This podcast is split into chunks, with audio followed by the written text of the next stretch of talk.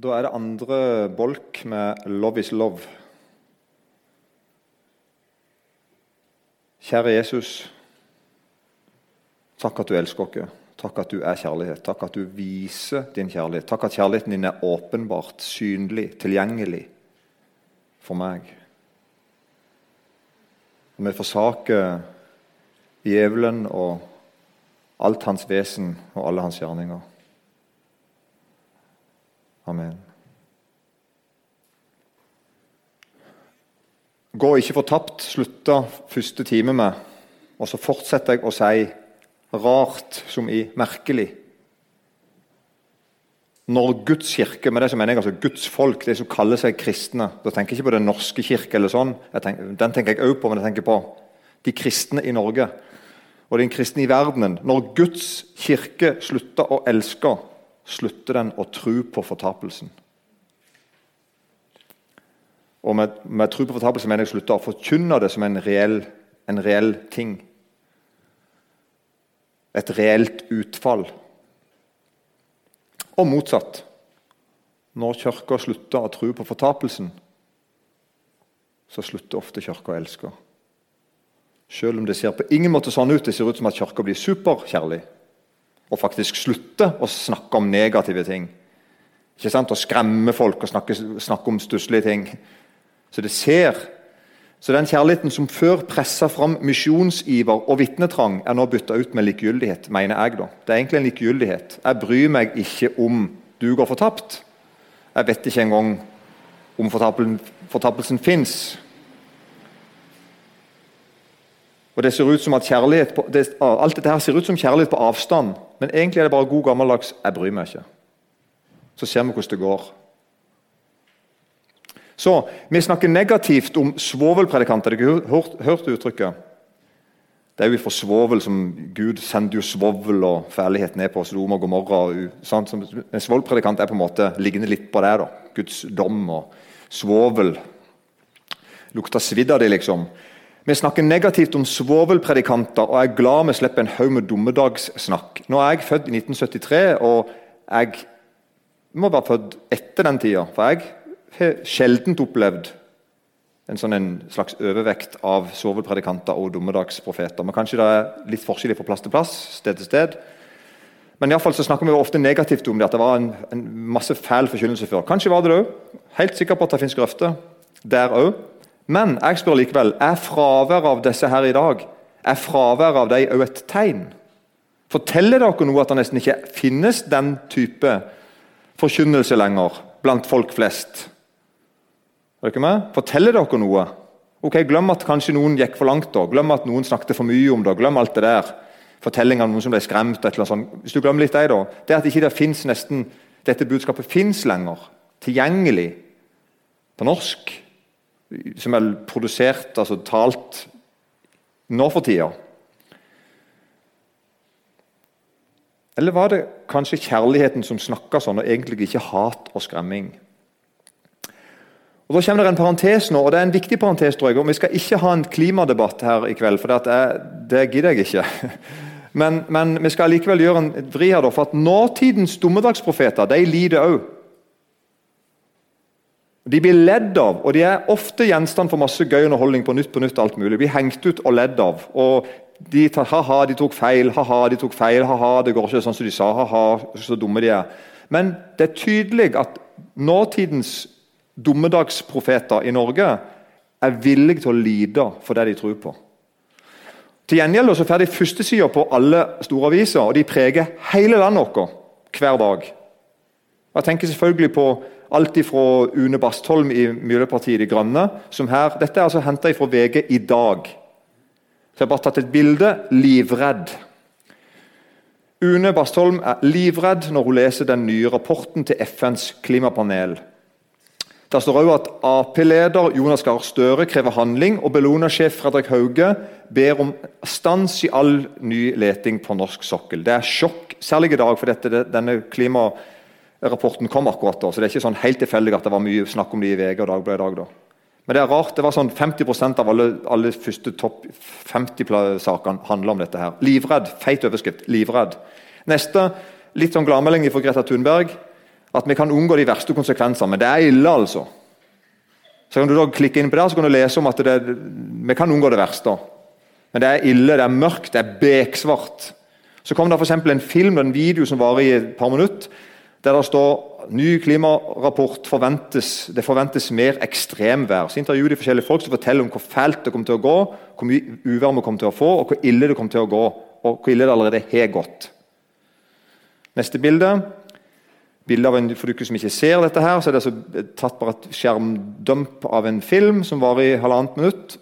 og Det er en bilde av jordkloden vår der det står 'Ingen er trygge, og det blir verre fort'. Står det der. Det, det la seg på VG i dag. Så jeg spurte bare sånn for gøy Fint å ha over senga til guttungen sin. Jeg tenkte på ingen er så trygge i fare. Det er litt bedre, det. da. Men poenget mitt her er at det er ramsalt forkynnelse i media. Og de som forkynner det, opplever på ingen måte at de overdriver. De opplever tvert imot at vi flest ikke hører etter, ikke forstår alvoret. Og Da sier de det bare mer, og de sier det mer, og de sier det mer. Hvorfor det? For de tror på dette. Og Da sier ikke jeg underforstått 'det gjør ikke jeg'. Nei, glem det. Det er noe realt med dette. De er villige til å ta en støyt, de er villige til å bli ledd ut, de er villige til å bli mistenkeliggjort. De er villige til å bli hata, og mange av dem blir faktisk hata. Fordi at noen kanskje blir fratatt gleden av å kjøre en dieselbil en eller annen plass i en by. Her er en annen overskrift i dag. 'Kode rød for menneskeheten'. like godt. Bilde av en bil som er parkert ute i vannet, men det er sikkert ikke vann. Det var sikkert en parkeringsplass før. Oversvømmelse. Global oppvarming. Og like godt så hiver E24, en økonomisk blad, hiver seg på og sier slik påvirkes Norge. Så kommer det opp på hva vil dette si for lommeboka di, for økonomien vår, for handlekraften vår, for, liv, for livskvaliteten din de neste årene. Dette som nå er i ferd med å skje, og som er skjedd. Og like godt eh, SV sin Audun Lysbakken han får svær overskrift i avisen i dag, det var i Dagbladet, og sier 'Nå går alarmen'. Poenget mitt er det at det er dommedagsprofeter i dag òg. I motsetning til før, når du nesten måtte oppsøke et spesielt hus for å høre på dem, så tyter de i dag i alle verdens kanaler. Et budskap som er kjempealvorlig. Og Det er ikke bare det at det maner til at du skal være enig med dem. At du skal si ja, de har nok rett. Det er sånn, sånn på teoretisk plan. Nei, du må omvende deg. Det er hele budskapet. Det er jo det det handler om. Det er det klare budskapet. I tillegg må du gjøre opp for deg, betale for gamle synder, og du bør faktisk skamme deg ofte for det du gjør. Dette blir forkynt, ikke sant? Gjør det? Her er fra VG i dag her står det sånn må endre måten vi lever på, eller omvende seg, som vi kristne sier.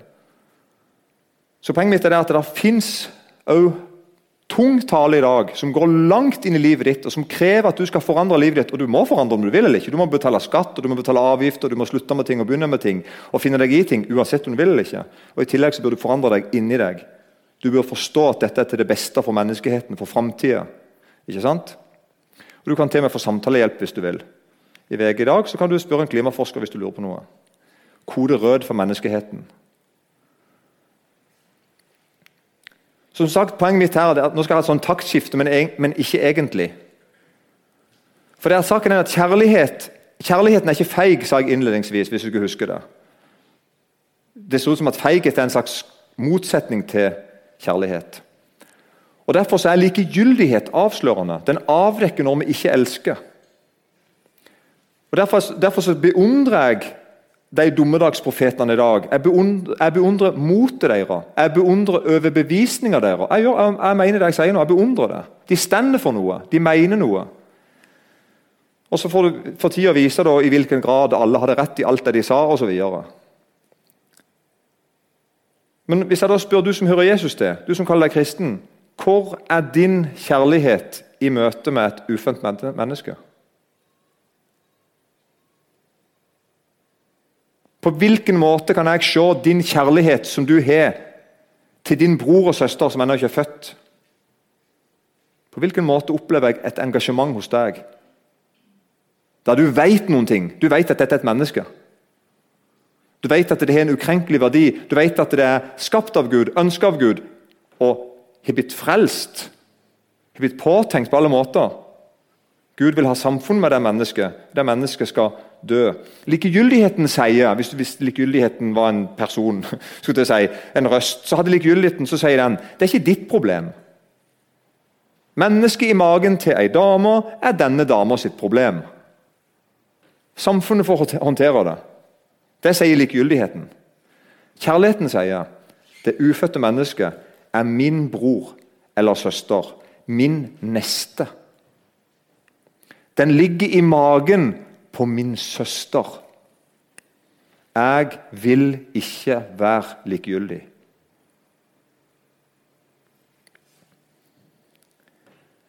Og Det er få kristne å beundre, sånn som jeg akkurat nå beundrer en haug med dommedagsprofeter når det gjelder klima.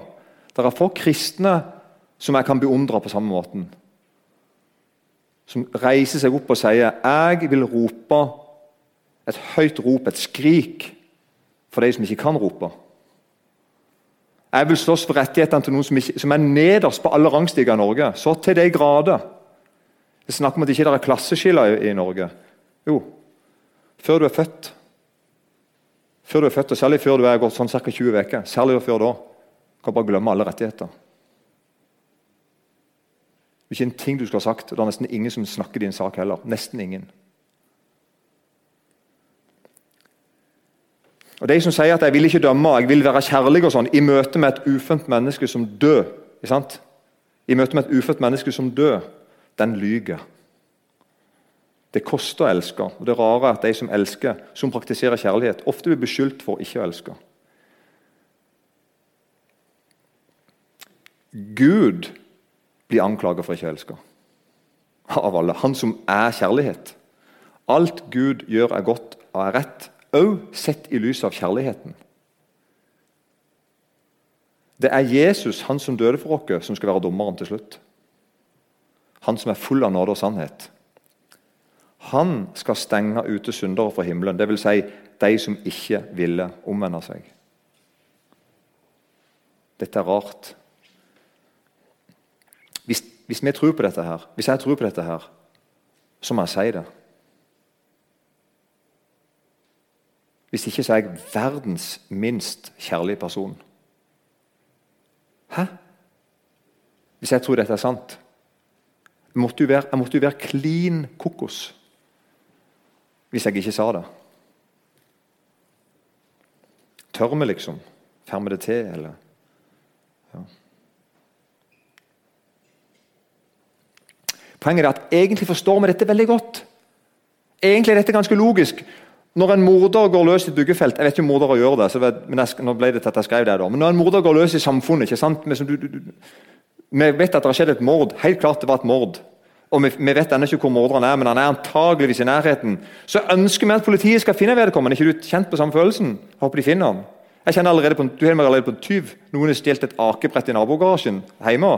Allerede da kjenner jeg på at det var greit hvis politiet kom, så ikke jeg mister akebrettet mitt. Allerede der har du meg. Tenk hvis det var en morder, da. ikke sant? Jeg, jeg, håper at politiet finner han, at de tar han. Han må selvfølgelig ha rettigheter, og sånn, alt det der, og hvis ikke han har alibi, og alt det der, så håper jeg at han blir stilt for retten, og at han blir putta i fengsel lenge. Er du ikke enig i det? Det er jo sånn det funker, liksom. Sånn må det være. Og En kjærlig lensmann, en kjærlig lensmann hvis de finnes, og det tror jeg det finnes, mange av dem, den la ikke en morder gå fri. Det er liksom ikke det som er en kjærlig lensmann. Er du ikke enig i det? Det er ikke typisk kjennetegn på en kjærlig lensmann. Han lar alle gå fri. Ja, ja, ja, så bra. En kjærlig... Nei, det er, ikke, det er ikke sånn det funker. En kjærlig lensmann han tar morderen om det så var hans egen sønn eller datter. Sånn må det være. Og Så håper vi at fengselsoppholdet var til hjelp for den dømte. Men alle syns han må straffes og omvende seg, dvs. Si, slutte å drepe. Sånn er Gud òg bare mye bedre. Og Det vanskelige for oss med dette vi snakker om nå i dag, er det at nå er det vi som er den skyldige.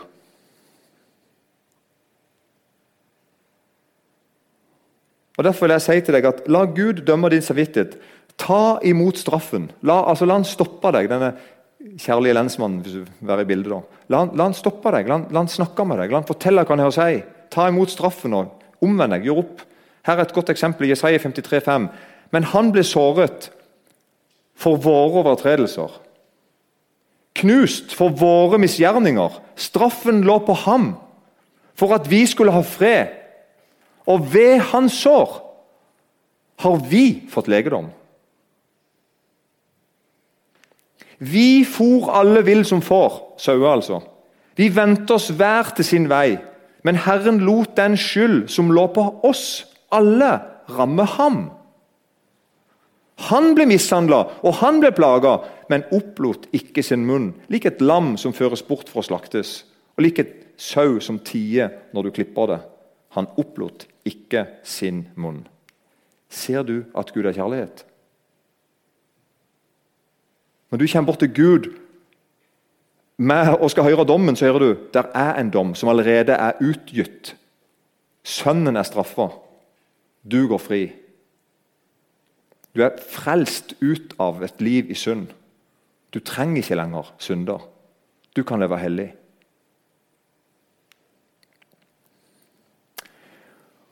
Og I Guds kirke, altså i menigheten, så er det òg grenser. Det vil jeg òg si litt om, for dette handler jo om kjærlighet.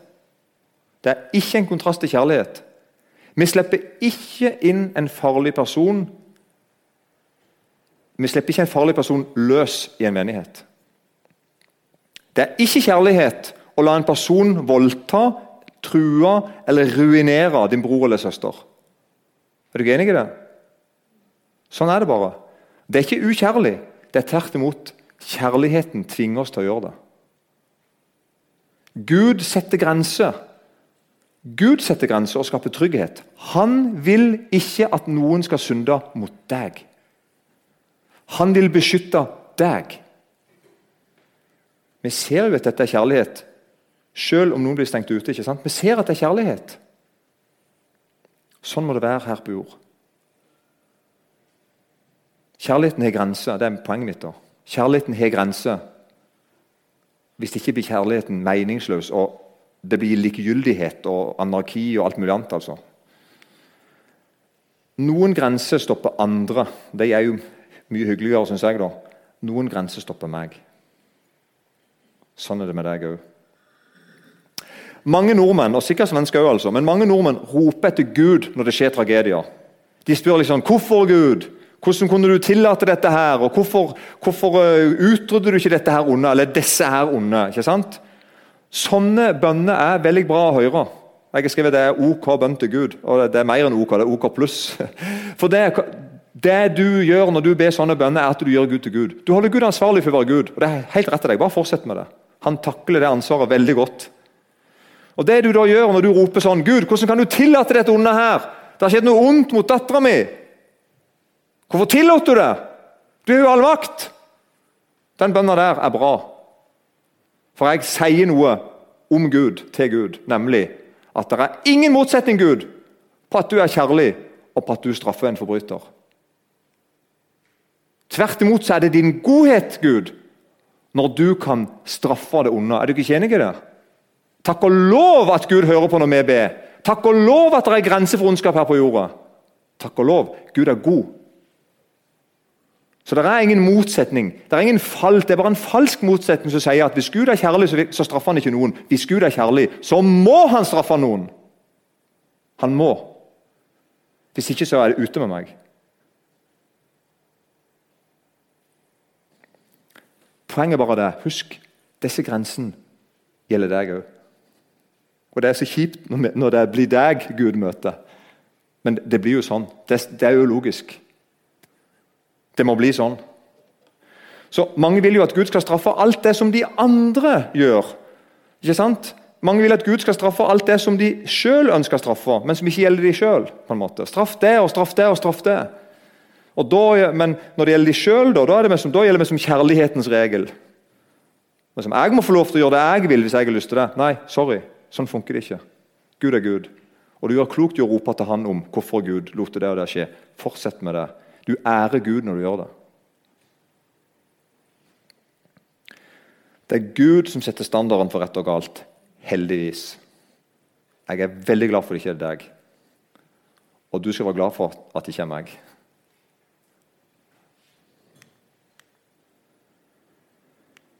En ting her som noen opplever som en kjip beskjed, men som andre ser en befrielse i, det er Romerbrevet 14,7.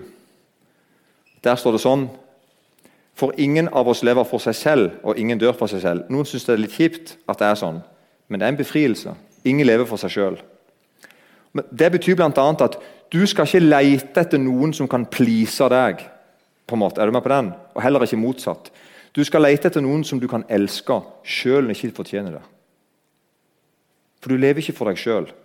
Dette gjelder altså vennskap, det gjelder jobb, det gjelder familie, og det gjelder så til de grader i Guds forsamling, i menigheten i kirka. Jeg lever ikke for meg sjøl. 1. Korinterbrev 13, og vers 4 og 5 sier sånn Kjærligheten er tålmodig, er velvillig. Kjærligheten misunner ikke. Kjærligheten skryter ikke. Den blåser seg ikke opp. Det er veldig godt sagt, dette her. Dette er en av verdens mest kjente tekster. Videre om kjærligheten. Den gjør ikke noe usømmelig. Søker ikke sitt eget. Blir ikke bitter. Gjemmer ikke på det onde. Hæ? Det er som noe helt annet. Sånn en kjærlighet dette er jo en beskrivelse av Jesus Kristus. så til de grader, ikke sant? Han er sånn!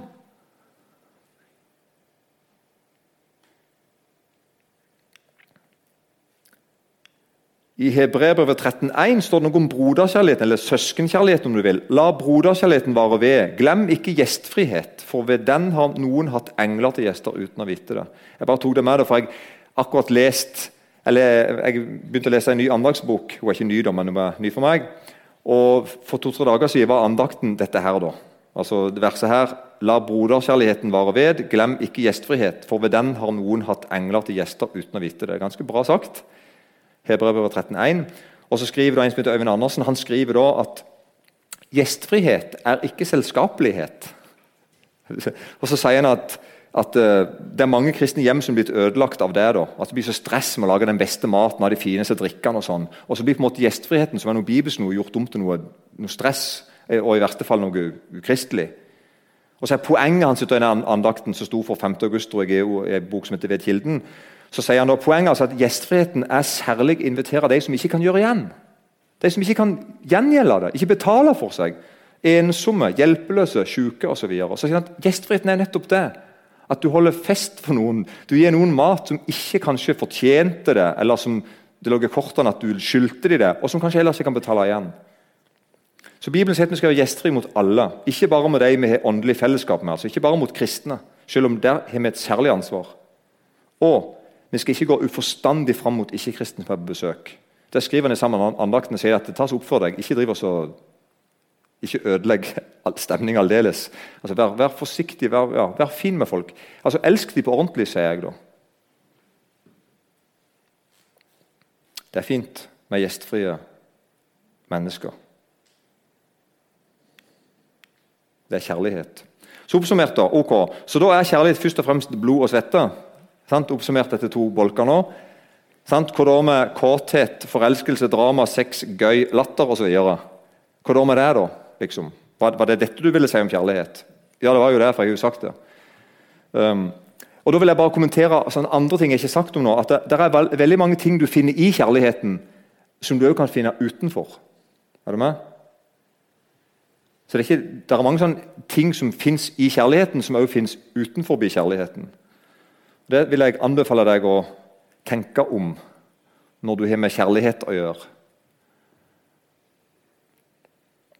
Så er kjærlighet først og fremst blod og svette. og Da skriver jeg nope eller nei, men blod og svette skaper din største følelsene.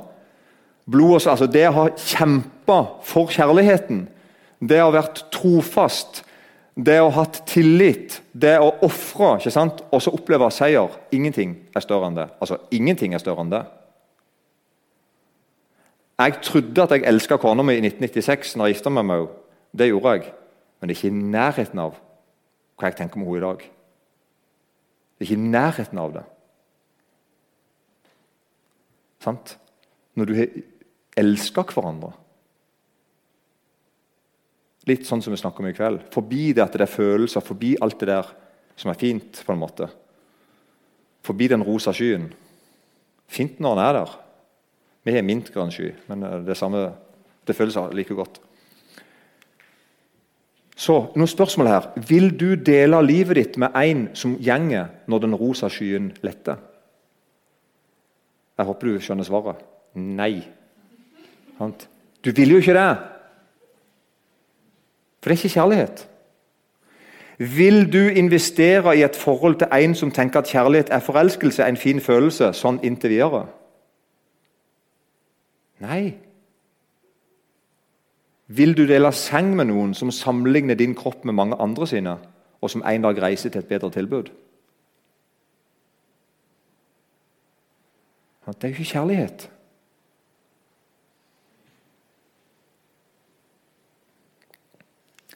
Vil du være en venn som står når alle andre går? Ja, sier du da. Det vil jeg. Jeg vil være trofast. Jeg vil ikke svikte. For det har jeg lært av Gud. Han er trofast når jeg er troløs. Vil du innse at Gud viser oss hvordan vi skal elske? Og da, ja, det håper jeg du vil. Og Da skal du være trofast mot Gud, bøye deg for Han. Det er egentlig det er på en måte nøkkelen til all visdom, og også når vi har om kjærlighet. Det å bøye seg for Gud og ta imot Hans kjærlighet, det er ingen bedre måte å lære hva kjærlighet er. Både å ta imot kjærlighet av andre og gi kjærlighet. Det er Gud som lærer oss å elske. Og Da ser vi litt at I Bibelen så er det, Guds kjærlighet det er ofte trofasthet. Derfor så kan du lese i Den gamle testamentet særlig om et folk. Gud valgte seg et folk. Hvorfor et folk da? Det minste folket som fantes. på en måte. Det minst trofaste folket. Han valgte et folk sier han selv, som var gjenstridig. For Gud skulle, Gud skulle demonstrere for hele verden i historien vår at Gud er trofast. På tross av hvem du er. Så Når du leser Det gamle testamentet og leser om hvem Gud valgte, og ser hvor galt det gikk, skulle du forstå dette gjør Gud for å rule sjøl, på en måte, hvis du skjønner. Så demonstrere hvor komplett annerledes han er enn vi. Han elsker, han er trofast. Gud tar ansvar, Gud holder det han lover. Gud stender for det han har sagt. Og Gud um, viser ja, Han viser ansvar og trofasthet. Jeg skriver plikt, vennskap og tillit og søskenkjærlighet. Altså, det, det, er ting vi finner i Bibelen. Så Gud elsker ikke generelt eller tilfeldig. Gud elsker gjennom planer. Gud elsker dreven av motiver som er rene, som er tydelige, som er kjente. Gud vil ikke at du skal gå fortapt. Derfor sendte han Jesus. Det står der i Johannes 3, 16. Han er motivert av at han vil berge deg, redde deg, elske deg hjem til himmelen. Fordi han vil være sammen med deg i en evighet. Derfor er det sånn at Gud elsker gjennom jeg skulle nesten til å si systemer, men det er, litt, jeg tror ikke det, er et kjipt ord. men altså, det, det, det, er ikke sånn tilfeldig og hytt og vær. Liksom. jeg lurer på meg som hvor Guds kjærlighet detter ned i dag. Nei, nei, du trenger ikke lure på det. Han beskriver hvor han kan møte dere henne. Allerede i den gamle pakt. ikke sant? Så etablerer han en forståelse av at jeg kan møte dere der på sånn og den måten, på den og den dagen. Hvis du ikke gjør sånn og sånn og bygger det og det huset og gjør de, de tingene og slakter de, de dyrene, så kan jeg møte dere der. Hvorfor det? Fordi at jeg vil møte dere. Fordi jeg elsker dere. Så Gud har bestemt seg for at han vil elske deg, og han har allerede gjort det. Så du er elska av Gud på en helt konkret måte. At han sendte sønnen sin til soning for dine synder. Derfor er det jo sånn at Gud kommer til oss gjennom tegn og avtaler og gjennom et troverdig ord. Det er ikke noe fjas. liksom. Det er skikkelig. Det er bra. Og Så vil jeg bare si en ting helt til slutt, som jeg tror er blitt kommentert en gang før på Logos. men jeg, jeg tror det er viktig å kommentere det, for Dette er et vers som er blitt ganske mye misbrukt synes jeg, de siste årene. Uh, og Det er et vers som er henta fra 1. Korinterbrev 13, som jeg lest litt om nå. Det er om kjærlighet. og Det er kapittel, det er kapittel 13 og vers 13 i 1. Korinterbrev. Og Da er poenget her at kjærligheten er evig. Han skal aldri ta slutt. Det er i motsetning til mye annet. Så 1. Korinterbrev 13, 13 slutter sånn. Men størst blant dem er kjærligheten. Ofte så siterer vi det og sier at størst av alt er kjærligheten. sier vi for noen ganger. Og så tenker vi at det er et bibelvers, men det er det ikke. Det er fint å si, på en måte, men det er ikke det, er ikke det Paulus sier i Korinterbrev 13. Paulus sier at det er en ting som er størst av blant noen kjente storheter, som da er Men nå blir de stående, men nå blir de stående, disse tre. Tro, håp og kjærlighet.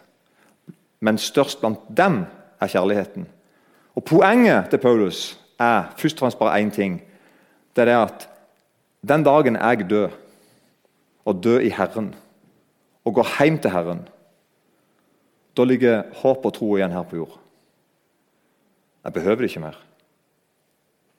Har du tenkt på det? Det var helt avgjørende her, så vi snakker ikke negativt om det. Sant? Men sammenlignet med kjærligheten så er, det, er de mindre. For de er bare noen hjelpere her på jord. I evigheten så er de ikke der. Der trengs ikke tro og håp, men der er det kjærlighet. Den blir stående igjen. Den skal ikke forsvinne. Han skal bli ultimat. Helt fantastisk. Kjære Jesus, velsigna det jeg har sagt, for navnet ditt skyld. Amen.